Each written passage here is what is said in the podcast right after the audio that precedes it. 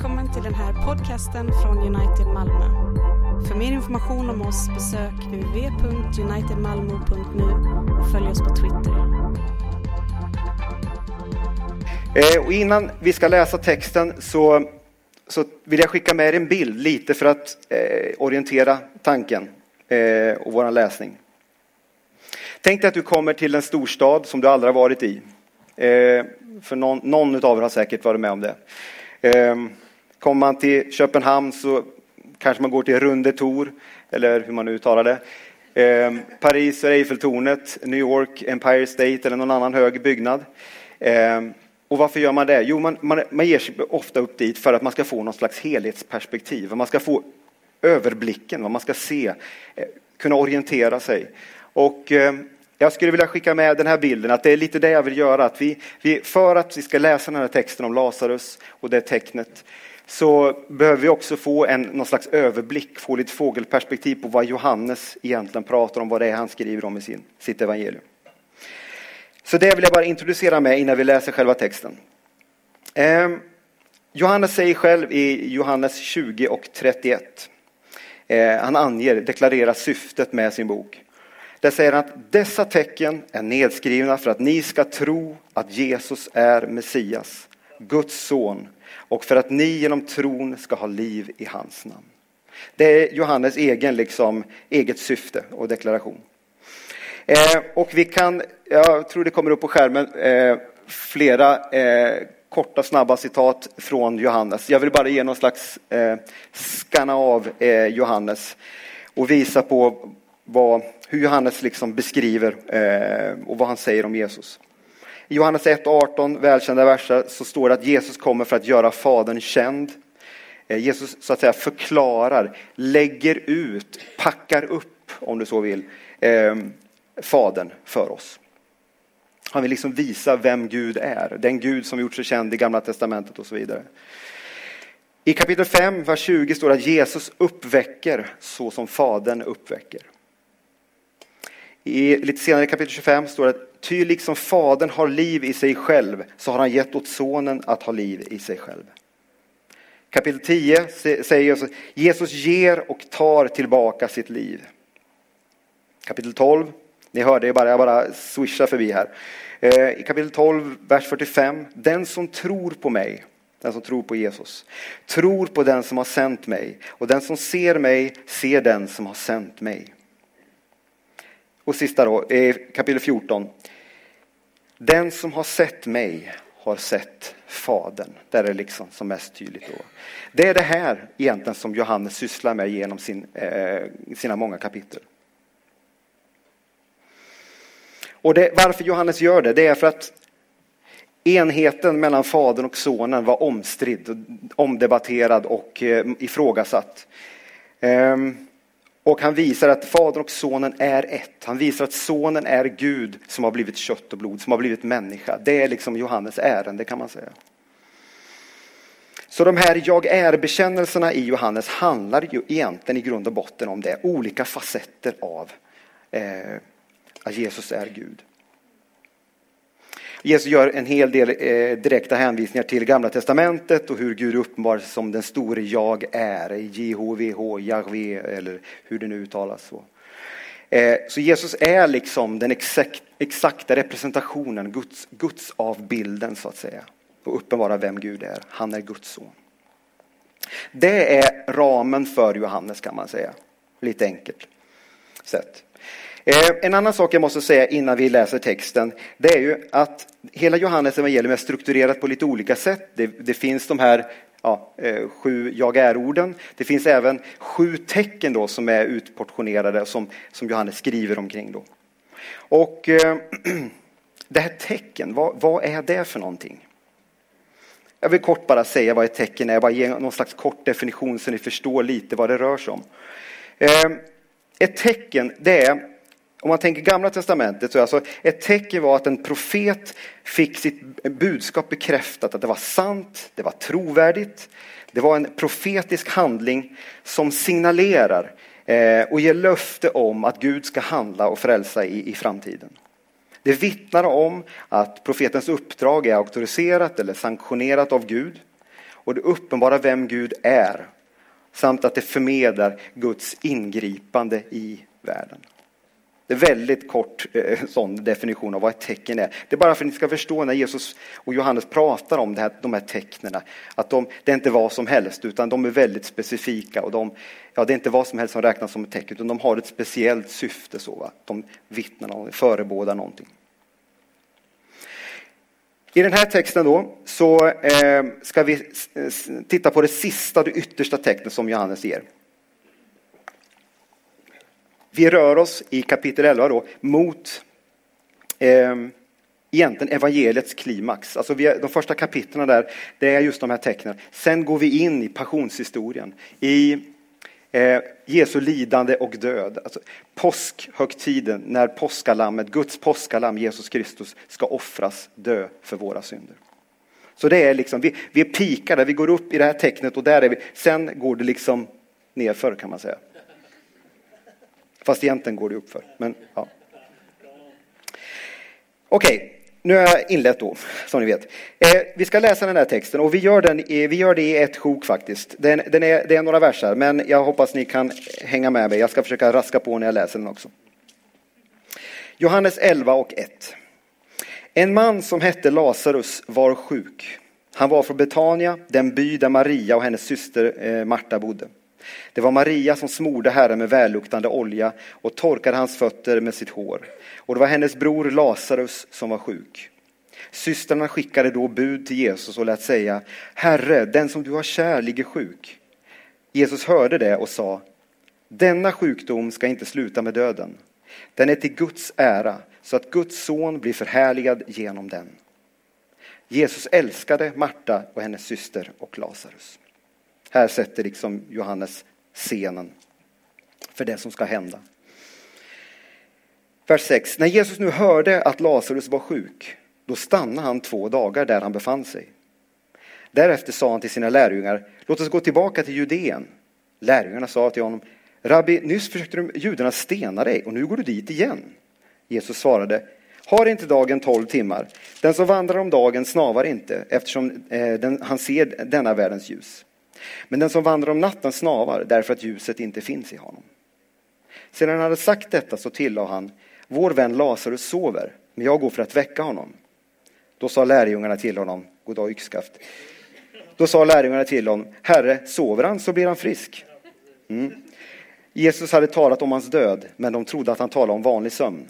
Nu sa Jesus helt öppet till dem, Lazarus är död. Och för er skull, för att ni ska tro, så är jag glad att jag inte var där. Men låt oss nu gå till honom. Thomas, han som kallades tvillingen, sa då till de andra lärjungarna, låt oss gå och dö med honom. De verkar inte riktigt förstå allt som händer där. När Jesus kom fram så fann han att Lazarus redan hade legat fyra dagar i graven. Betania låg nära Jerusalem, ungefär 15 stadier därifrån. Många judar hade kommit ut till Marta och Maria för att trösta dem i sorgen för deras bror, över deras bror. När Marta fick höra att Jesus hade kommit så gick hon ut och mötte honom. Men Maria stannade kvar hemma. Marta sa till Jesus, Herre, om du hade varit här så skulle min bror inte ha dött. Men också nu vet jag att Gud kommer att ge dig vad du än ber honom om. Jesus sa, din bror ska uppstå. Marta svarade, jag vet att han ska uppstå vid uppståndelsen på den yttersta dagen.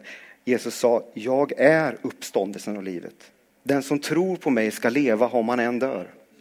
Och var och en som lever och tror på mig ska aldrig någonsin dö. Tror du detta? Hon svarade, ja herre, jag tror att du är Messias, Guds son, han som skulle komma till världen. Då hon hade sagt detta gick hon och kallade på sin syster Maria och viskade till henne, Mästaren är här och kallar på dig. Så snart hon hörde det reste hon sig och gick ut till honom. Men Jesus hade ännu inte kommit in i byn utan var kvar på det ställe där Marta hade mött honom. Judarna som var hemma hos Maria och tröstade henne såg att hon hastigt reste sig och gick ut. Då följde de efter henne i tron att hon skulle gå till graven för att gråta där. När Maria kom till den plats där Jesus var och fick se honom föll hon ner vid hans fötter och sa till honom Herre, om du hade varit här skulle min bror inte ha dött. När Jesus såg att hon grät och att judarna som följde med henne grät blev han häftigt upprörd och frågade var har ni lagt honom? Han svarade Herre, kom och se. Och Jesus grät. Då sa judarna, se hur han älskade honom. Men några bland dem sa, kunde inte han som öppnade ögonen på den blinde ha hindrat att Lazarus dog? Jesus blev åter häftigt upprörd och gick till graven. Det var en klippgrav med en sten för öppningen. Jesus sa, ta bort stenen. Den döde syster Marta sa till honom, Herre, han luktar ju redan, det är ju fjärde dagen. Jesus sa till henne, har jag inte sagt dig att om du tror ska du få se Guds härlighet? De tog bort stenen och Jesus lyfte blicken mot himlen och sa, Fader, jag prisar dig för att du hör mig. Själv vet jag att du alltid hör mig, men för att folket som står här ska tro att du har sänt mig bad jag denna bön. När han hade sagt det så ropade han med hög röst, Lazarus, kom ut! Då kom den döde ut med fötter och händer inlindade i bindlar och med ansiktet täckt av en duk. Jesus sa till dem, befria honom och låt honom gå. Många judar som hade kommit till Maria och sett vad Jesus gjorde kom till tro på honom. Men några av dem gick till fariseerna och berättade för dem vad, vad Jesus hade gjort. Översteprästen och fariseerna kallade då samman Stora rådet och sa, vad gör vi? Den här mannen gör många tecken. Om vi låter honom hålla på så här kommer alla att tro på honom. Sen kommer romarna ta ifrån oss både vårt tempel och vårt folk. En av dem, Kajafas, som var över, överstepräst det året, han sa till dem, ni förstår ingenting. Inser ni inte att det är bättre för er att en man dör, dör i folkets ställe än att hela folket går under? Detta sa han inte av sig själv, utan överste präst det året så profeterade han att Jesus skulle dö för folket. Ja, han skulle inte bara dö för folket utan också för att samla och förena Guds kringspridda barn. Från den dagen överlade de om att döda honom. Jesus vandrade därför inte längre öppet omkring bland judarna utan begav sig bort därifrån till landsbygden, till öknen, till en stad som heter Efraim. Där var han tillsammans med sina lärjungar. Så lyder Herrens evangelium. Mastig text, mycket. Eh, men jag tycker det är bättre att läsa hela så man får liksom berättelsen, hela storyn på en gång. så. Och det finns ju enormt mycket att säga om, om det här. Eh, men det är några saker, det är egentligen tre, eh, jag kommer till tre saker. Det är alltid så en predikan har tre punkter. Det har ni förstått, förstår jag. Det första är att i den här texten, så vi ska inte fastna i eh, några andra hjältar än skriftens stjärna och kärna, Kristus själv, Jesus. Det är Jesus som står i centrum. Det är Gud som alltid är i händelsernas centrum i, i Bibeln, Bibelns texter. Det är inga människor som ska lyftas upp på sådana pedestaler. Och Jesus här, han visar Fadern för oss. Det är det första. Jesus målar upp liksom, visar ett porträtt av Fadern. Olika aspekter, olika karaktärsdrag, egenskaper hos skaparen. Det är det som är liksom det ultimata här. Eh, och den första, första saken eller aspekten jag vill lyfta fram, eh, hur Jesus porträtterar Fadern, det är att Jesus ser det som bara Fadern ser. Jesus ser det som Fadern ser. Eh, det är ganska uppenbart i den här, ni hörde jag, eh, vi skrattade till lite där i början och några ställen där när lärjungarna och Marta och andra, de har inte riktigt koll på läget. Va? De, de säger saker som är lite goddag yxskaft och eh, de fattar inte alls vad som är på gång. Va? Och det är just för att Jesus ser det Fadern ser. Han ser med, Jesu, eller med Faderns ögon. Eh, och han har en annan tidtabell, en annan kalender än, än du och jag. Som vi styr våra liv kring. Och det är just för att han, han ser på den här sorgen med Lazarus, sjukdomen, han ser på döden på ett helt annat sätt. Jesus har Faderns plan och vilja eh, för sina ögon. Eh, och det första han gör det är att när han får höra det här budet om den här gode vännen som är sjuk, som han älskar. Jo, han stannar lite längre så att han blir ännu sjukare och dör. Ja, det är logiskt då. Eh, men det är precis det. Det är för att Jesus vet vad Fadern vill att han ska göra. Han har full kontroll, full koll på läget. så. Och det har ju inte du och jag, det har inte lärjungarna, det har inte Marta, det har ingen av de här andra. Men det är så viktigt att se det, att Jesus visar vem Fadern är och Fadern har koll på läget. Och det här kan ju verka lite grymt mot eh, Marta och Maria som de plågas ju och lider på riktigt. De sörjer sin bror som har dött. Och det är många människor som har kommit till dem. Det är en stor grupp människor. Men Jesus vet att här, den här sjukdomen, den här döden är till Guds egen ära. Och det är därför han är så noga med att stanna. Så Jesus ser det som Fadern ser. Det är det första vi kan se här i porträttet. Det andra är, och som jag tycker, tycker är oerhört trösterikt, inte minst på tal om det jag börjar med att säga, att Jesus gråter med oss. Jesus gråter när han möter Marta och Maria. Han ser att de gråter och Jesus gråter med. Trots att han vet vad som är på gång. Han vet vad han ska göra. Han vet vad som kommer att hända. Så Jesus, Jesus är inte sen att visa sina känslor. Han är, han är inte apatiskt, kyligt observerande, står så här, hmm, ja, vi ska se när de lär sig. Utan han är oerhört engagerad och, och känslomässigt lever sig in och låter dem sörja och han, han är med där, han är närvarande. Och jag tycker också så snyggt hur det är skrivet där att, att Jesus älskade de här, det här syskonparet. Och jag tror inte det bara så att Jesus hade liksom ett särskilt öga till Marta, Maria och, och Lazarus, utan jag tror att Johannes vill betona här. Jesus älskade sina. Han, de ligger honom nära, de är kära för honom. Och det är du och jag. Det är vi som är de här syskonen i storyn. Och Jesus bryr sig om oss. Fadern ser oss. Han vet hur vi har det. Och Jesus blir till och med oerhört upprörd över, och det, det, kan finnas många sidor där, men dels är det ju för att de inte förstår att han är Messias, att han är Guds son naturligtvis. De förstår inte Jesu uppdrag och ärende. Men jag tror också det har att göra med att, att han ser lidandet, han vet vad de går igenom. Och det upprör honom. Det gör, ger honom en massa känslor. så. Och den här bilden av Jesus, det är ingen blek, eh, gråblek, liksom så här flanellograf Jesus som vi kanske en del av oss fått till oss eh, i unga år eller någonting sånt. Utan det här är en, en eh, blodrik, känslokraftfull Jesus som, som framträder. Så trots att Jesus har den här makten, förmågan, kunskapen om Fadern så är han fylld av medlidande med Marta och Maria. Och han gömmer sig inte undan utan han deltar, är nära lidandet och svårigheterna. Eh, det nästa, eh, tredje saken jag vill säga som, som vi ser i, hos Jesus här. Det är att Jesus bemöter våra tvivel och våra frågor. Han är inte främmande för det, han är inte rädd för lidande, han är inte rädd för, frågor, för frågor som vi har. Kritik, synpunkter. Det är, det är inte så att Gud trillar av tronen för att vi har lite frågor till honom. Kolla Jobs bok får du se. Där finns det ganska kraftiga påståenden som Jobb levererar. Han kallar Gud för kriminell och sådana saker. Eh, och i slutändan så blir det ändå så att Jobb någonstans återupprättas och det går väl. Va? Så att Gud är inte hotad av att du inte förstår Gud, att du har frågor och tycker att det här fattar jag inte. Liksom. Hur kan du göra så här? Vad är det här? Liksom, va?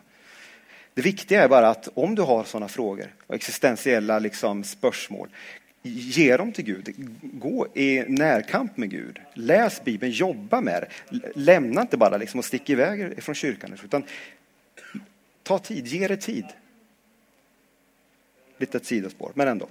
Jesus bemöter Martas och, eh, tvivel och deras frågor. Så. Och det är ju så lätt, alltså man ser det, det är lite dråpligt så här, man sätter nästan, men man får sätta, jag sätter i halsen när man, man ser det, men de säger ju liksom så här, Jesus, om du hade varit här så hade det här inte hänt. Eller, varför gör du så där? Är det inte så vi ofta närmar oss Jesus? Men Jesus, han luktar ju redan, fattar du inte? Fyra dagar, en stor sten, det här, det, sluta liksom. Va? Och det är precis så som du och jag ofta är, i alla fall jag, jag, jag känner mig själv bäst. Vi har synpunkter och vi vet bäst själva. Va? Vi vill inte gärna inrätta oss efter vad Jesus eh, eh, vill göra. Samtidigt som, som, Jesus går i clinch med det, men samtidigt är han väldigt barmhärtig med oss och förstående med Marta och Maria i det här sammanhanget. Och låter dem liksom växa i tron. Och det har att göra med nästa sak, det eh, fjärde som jag lyfter fram där. Jesus talar sanning till oss i djupaste sorg. Så mitt i de här svårigheterna så kommer Jesus, och inte, han är inte bara förstående och lyssnande, utan han, han talar också, han undervisar och leder oss vidare in i sanningen.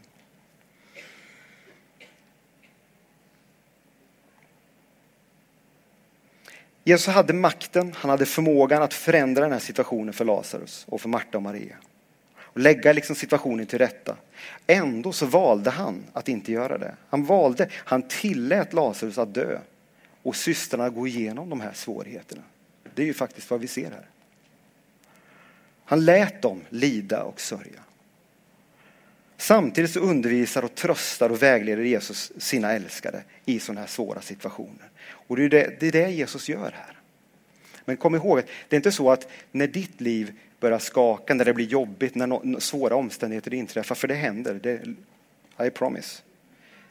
Det är inte så att Jesus säger time out, time out, nej, nu ska eh, Nisse här, nej, han, det räcker nu. Utan han går i clinch med, jobbar med de här sakerna och låter oss gå igenom svårigheter. För han har ett ärende, han vill forma oss efter sin egen avbild. Så han talar sanning, han undervisar oss och vägleder oss i den djupaste sorg. Så även om livet ibland tycks ställa orimliga krav på oss och vi upplever det som att det här nu är eh, liksom botten nådd. Va? Så, så Jesus är där, han undervisar och vill vägleda oss vidare så att vår tro ska växa. Det är liksom det som Jesus ser. Det femte, jag vill säga, i det här. Jesus manifesterar Faderns härlighet och han gör det via korset. Det är så att det är Jesus som lider och dör för oss. Det är han som går in i vårt ställe. Jesus är den verkligt gode herden som vi kan läsa om senare. Han ger sitt liv för de sina. Och det är det som händer här också, om vi läser lite. Jesus går korsets väg och han tar de riktiga smällarna för dig och mig. Och Jesus vet att för att uppväcka Lazarus så måste det kommer att innebära hans egen död. Den står för dörren så att säga. Efter det, verserna senare så läste jag att de börjar planlägga att döda honom och vi vet att det är på gång.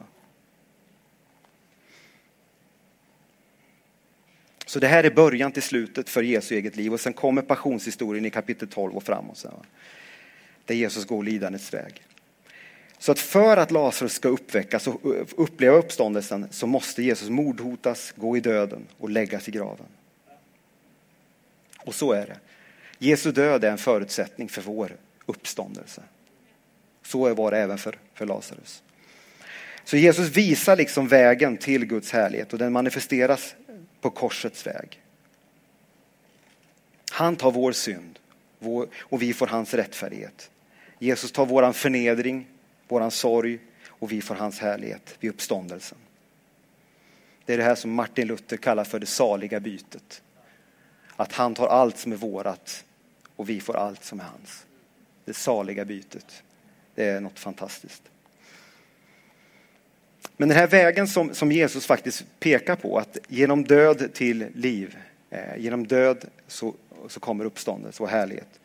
Den innebär ju också att, att vi kallas till, till lidande att följa Jesu exempel och, och, och få erfara Guds härlighet. Och är det, är det så att du längtar efter Guds härlighet och ser mer av den, vilket jag tror att de flesta av er gör, då vet vi vägen att gå. Du finner den vägen på korsets och lidandets väg. Så det är egentligen de delarna av, av, av Fadern som Jesus visar. Kommer till min andra punkt. Fadern verkar i nuet och ger hopp om framtida uppståndelse. Fadern verkar i nuet och ger hopp om framtida uppståndelse. När profeterna i Gamla Testamentet profeterade så gav de ofta ett tecken. Eh, de hade ofta ett budskap om en framtida Messias, eh, som, någon som skulle komma och frälsa Israels folk. Då gav de, när de hade sina budskap så kom de ofta med ett, ett budskap i sin egen samtid. Alltså ett tecken på att det de säger faktiskt var sant. Det var bärkraftigt, det var eh, sanktionerat av Gud. Det är precis det som Jesus gör när han uppväcker Lazarus. Jesus ger ett tecken i nutiden på den framtida uppståndelsen, på den yttersta dagen, när vi ska uppstå. Och det här, de här tecknen de gavs för, i, i Gamla Testamentet för Israels folk att de skulle lyssna, de skulle lita på, hålla sig till förbundet, hålla sig till lagen. Eh, och det uttalade löftet om Guds frälsning och den kommande Messias. Och det är samma sak här. Va? Det här tecknet på Lazarus uppståndelse, det är ett tecken för dig och mig idag. Det finns, det, vi har fått ett tecken som pekar på att det kommer en uppståndelse, en fysisk kroppslig uppståndelse en dag. Naturligtvis avbildar Jesus och visar också på att vägen för sin egen uppståndelse. Det, det förebildar både sin, e- hans egen och våran uppståndelse. Men jag kan säga så här att det här ger ju inget löfte om när han uppväcker eh, Lazarus. Det är inte så att Jesus gick omkring och uppväckte alla från de döda. Utan Det var väldigt få. Det hände två tillfällen, tre tillfällen kanske. Men han gör det för att det syftar till någonting annat. Det är ett tecken på någonting större. Så.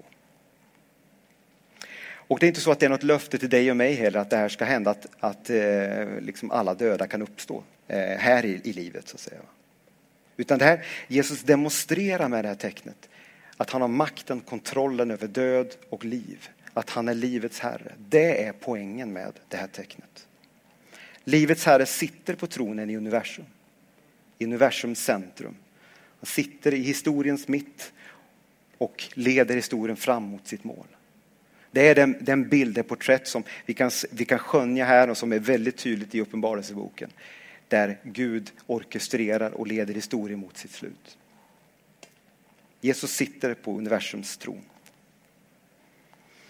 Och den här uppståndelsen som när Jesus väcker upp Lazarus, den ska alltså väcka tro hos dig och mig på vår framtida kroppsliga uppståndelse. Den ska ge oss hopp i nuet.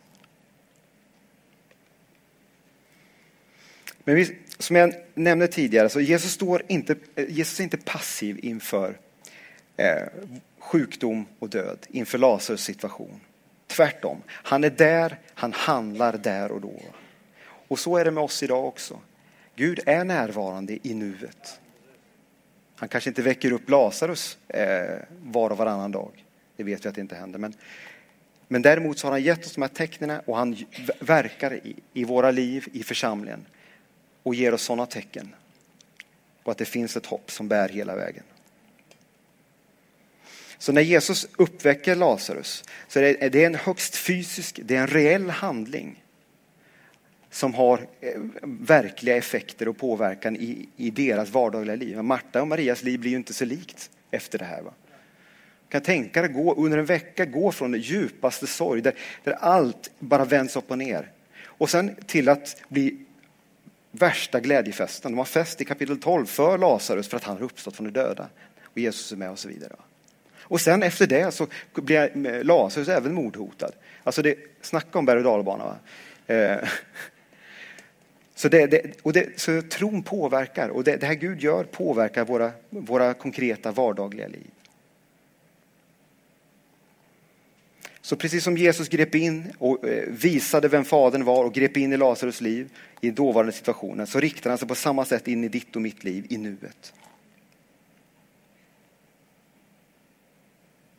Och det här, det här är viktigt att vår tro är inte liksom någon slags intellektuell träning, något intellektuellt försanthållande bara. Det finns de sidorna av det, självklart. Att den är liksom kognitiv, intellektuell. Men det är inte så att vi håller på med mental träning, mindfulness eller liksom, eh, att det handlar om vårt känsloliv eller någonting sånt. Utan tron är högst reell. Det är någonting fysiskt påtagligt, något kroppsligt i ditt och mitt liv, i vår vardag. Så. Det måste få sådana uttryck, sådana effekter. Så det här budskap om, budskapet om Lazarus uppståndelse, att Gud uppväcker honom från de döda, det är ett tecken på att Gud handlar i nuet också. Och att det ska påverka dina omständigheter, dina nuvarande materiella eh, omständigheter och situationer.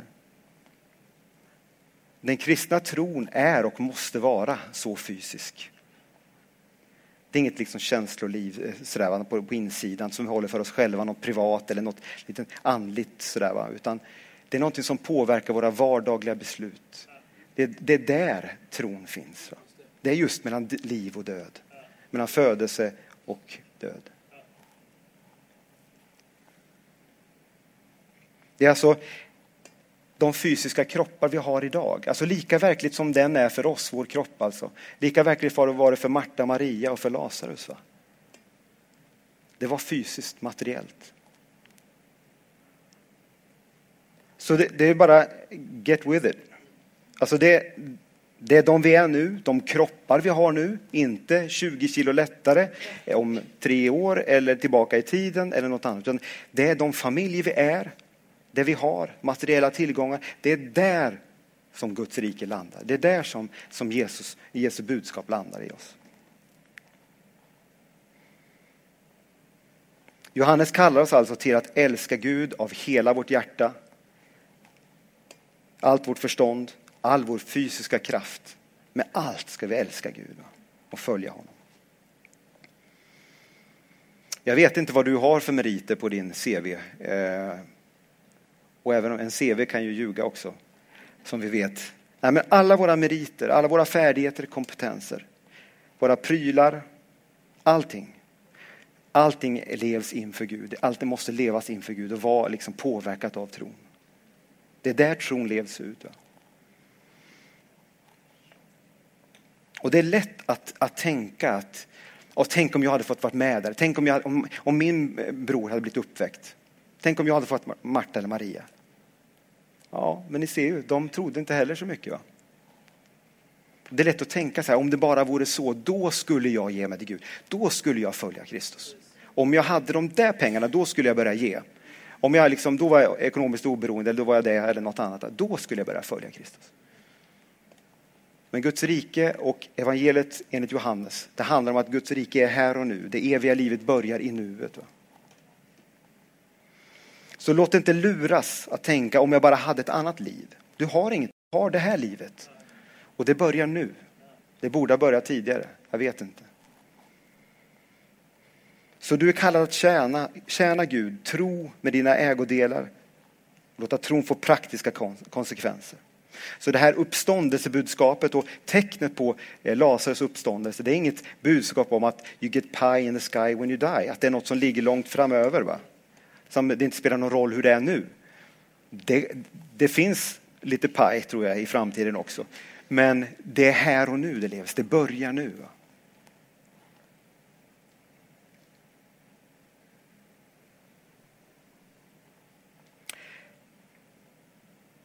Till slut. Se hur länge jag håller på här.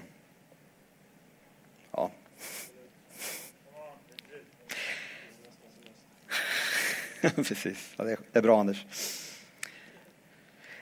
När vi nu har liksom försökt att packa upp och förklara lite av, av den här fantastiska texten. Ett otroligt budskap om, om liv, död, om uppståndelse. Och det handlar inte så mycket om Marta och Maria, utan det handlar om dig och mig. Det handlar om våra liv idag. Vad är vårt gensvar då? Tror du detta? Tror du på Jesu död, uppståndelse, förhärligande? Vår uppståndelse. Jesu nådes erbjudande och fråga till Marta gäller dig idag. Tror du detta?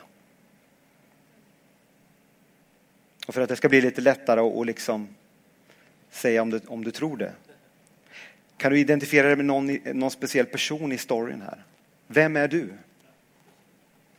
Vem är du i storm? Vem känner du igen dig i? Eller vilka personer känner du igen dig i? Är du Marta vars bekännelse, ja den finns där, den är ganska väl grundad men den skjuter lite fel också så. Hon räknar inte med att Jesus verkar riktigt i nuet. Hon tänker, ja uppståndelsen, jo det kommer där framöver någon gång. Så, så den är, det är lite grumligt, det är lite halvdant hos Marta där. Hon räknar inte med Jesus i vardagen, i nuet. Så. Att han ska kunna göra detta fantastiska. Att han ska kunna uppväcka Lazarus från de döda. Och vem kan klandra henne, å andra sidan? Men Marta söker sig ändå till Kristus. Hon, hon, går ut och möter honom och, och frågar var, varför var inte du här? Liksom? Och där tror jag vi alla kan känna igen oss. Att vi är svårigheter, att vi vänder oss till Kristus. Fortsätt med det, gör det. Du kanske känner igen dig i Maria som, som gråter, hon faller ner inför Jesus. Hon håller sig undan först, men sen så kommer hon och möter Jesus och får vidare liksom undervisning. Maria blandar en tro på Guds kraft med tvivel och missförstår lite och sådär. Men Marias tro växte med det här. Växte med svårigheterna, lidandet och uppståndelsen. Känner du igen dig i lärjungarna kanske? Det gör jag. De fattar inte ett jota. De förstår inte korsets väg. Sen till slut så är det någon som är hurtfrisk, liksom, som Thomas där. Låt oss gå och dö, liksom. det kör vi på nu, liksom. Och de har inte en aning.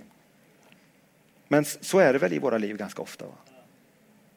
Vi bekänner högt och ljudligt vad vi tror och liksom, sen när det kommer till kritan så betyder det inte så mycket. Då är det svartjobb, lögner, det kan vara alla möjliga grejer. Otrohet, jag vet inte. Då är det inte så mycket bevänt med vår bekännelse. Jag vill inte peka ut något specifikt bara sådär, utan det är mer bara att hur är det med vår bekännelse och hur hänger det ihop med vår tro? Får det någon slags effekt i våra liv? Eller är vi som lärjungarna som bara tjoho, ropar lite utan att förstå? Eller är det så att du är en av de här personerna som kommer till tro när de får höra om Lazarus uppståndelse? Som känner att Gud ger dig tron, att det har hänt något i ditt hjärta. Du känner det här, jag måste ta till mig det här, jag måste vända om, jag måste ta emot Jesus, jag måste möta honom. Du kanske har gjort det nyligen eller du kanske sitter som inte har gjort det, tagit emot Jesus här idag. Då kan du få göra det. Eller så kanske du är en av de här som, som ser allt det här, iakttar det och sen springer iväg och skvallrar för religiösa rådet. Jesus håller på med det här, fattar ni liksom vad han gör? Liksom? Och ställer till det, gör, gör livet surt för predikanter. Eh, snacka skit om, om andra kyrkor eller jag vet inte vad det kan vara. Men alltså gör det, gör det surt för de kristna. Är du en sån? Jag tror vi alla har varit det ibland. Eller är du en farisé som motarbetar Jesus och vill stena den moraliskt otrogna kvinnan i kapitel 8? Och sen gå vidare, vill de, sen vill de stena Jesus och, och kämpar efter det. Och sen, till och med, de vill gå så långt så att de vill stena Lazarus som har uppstått från de döda. För att han är ett sånt jobbigt tecken på att den här Jesus är Messias, han är Guds son. Va? Vi måste få röja honom ur vägen. Det är ju väldigt drastiskt att liksom vilja döda Jesus, och till och med Lazarus. Då. Men det är intressant när evangeliet förkunnas så, så, får det de här olika effekterna i, i våra liv. Och det är bara att be Gud om nåd, att våra hjärtan är mjuka, att vi tar emot ordet, att det landar väl. Att det inte vi gör som fariseerna eller att vi springer iväg och skvallrar.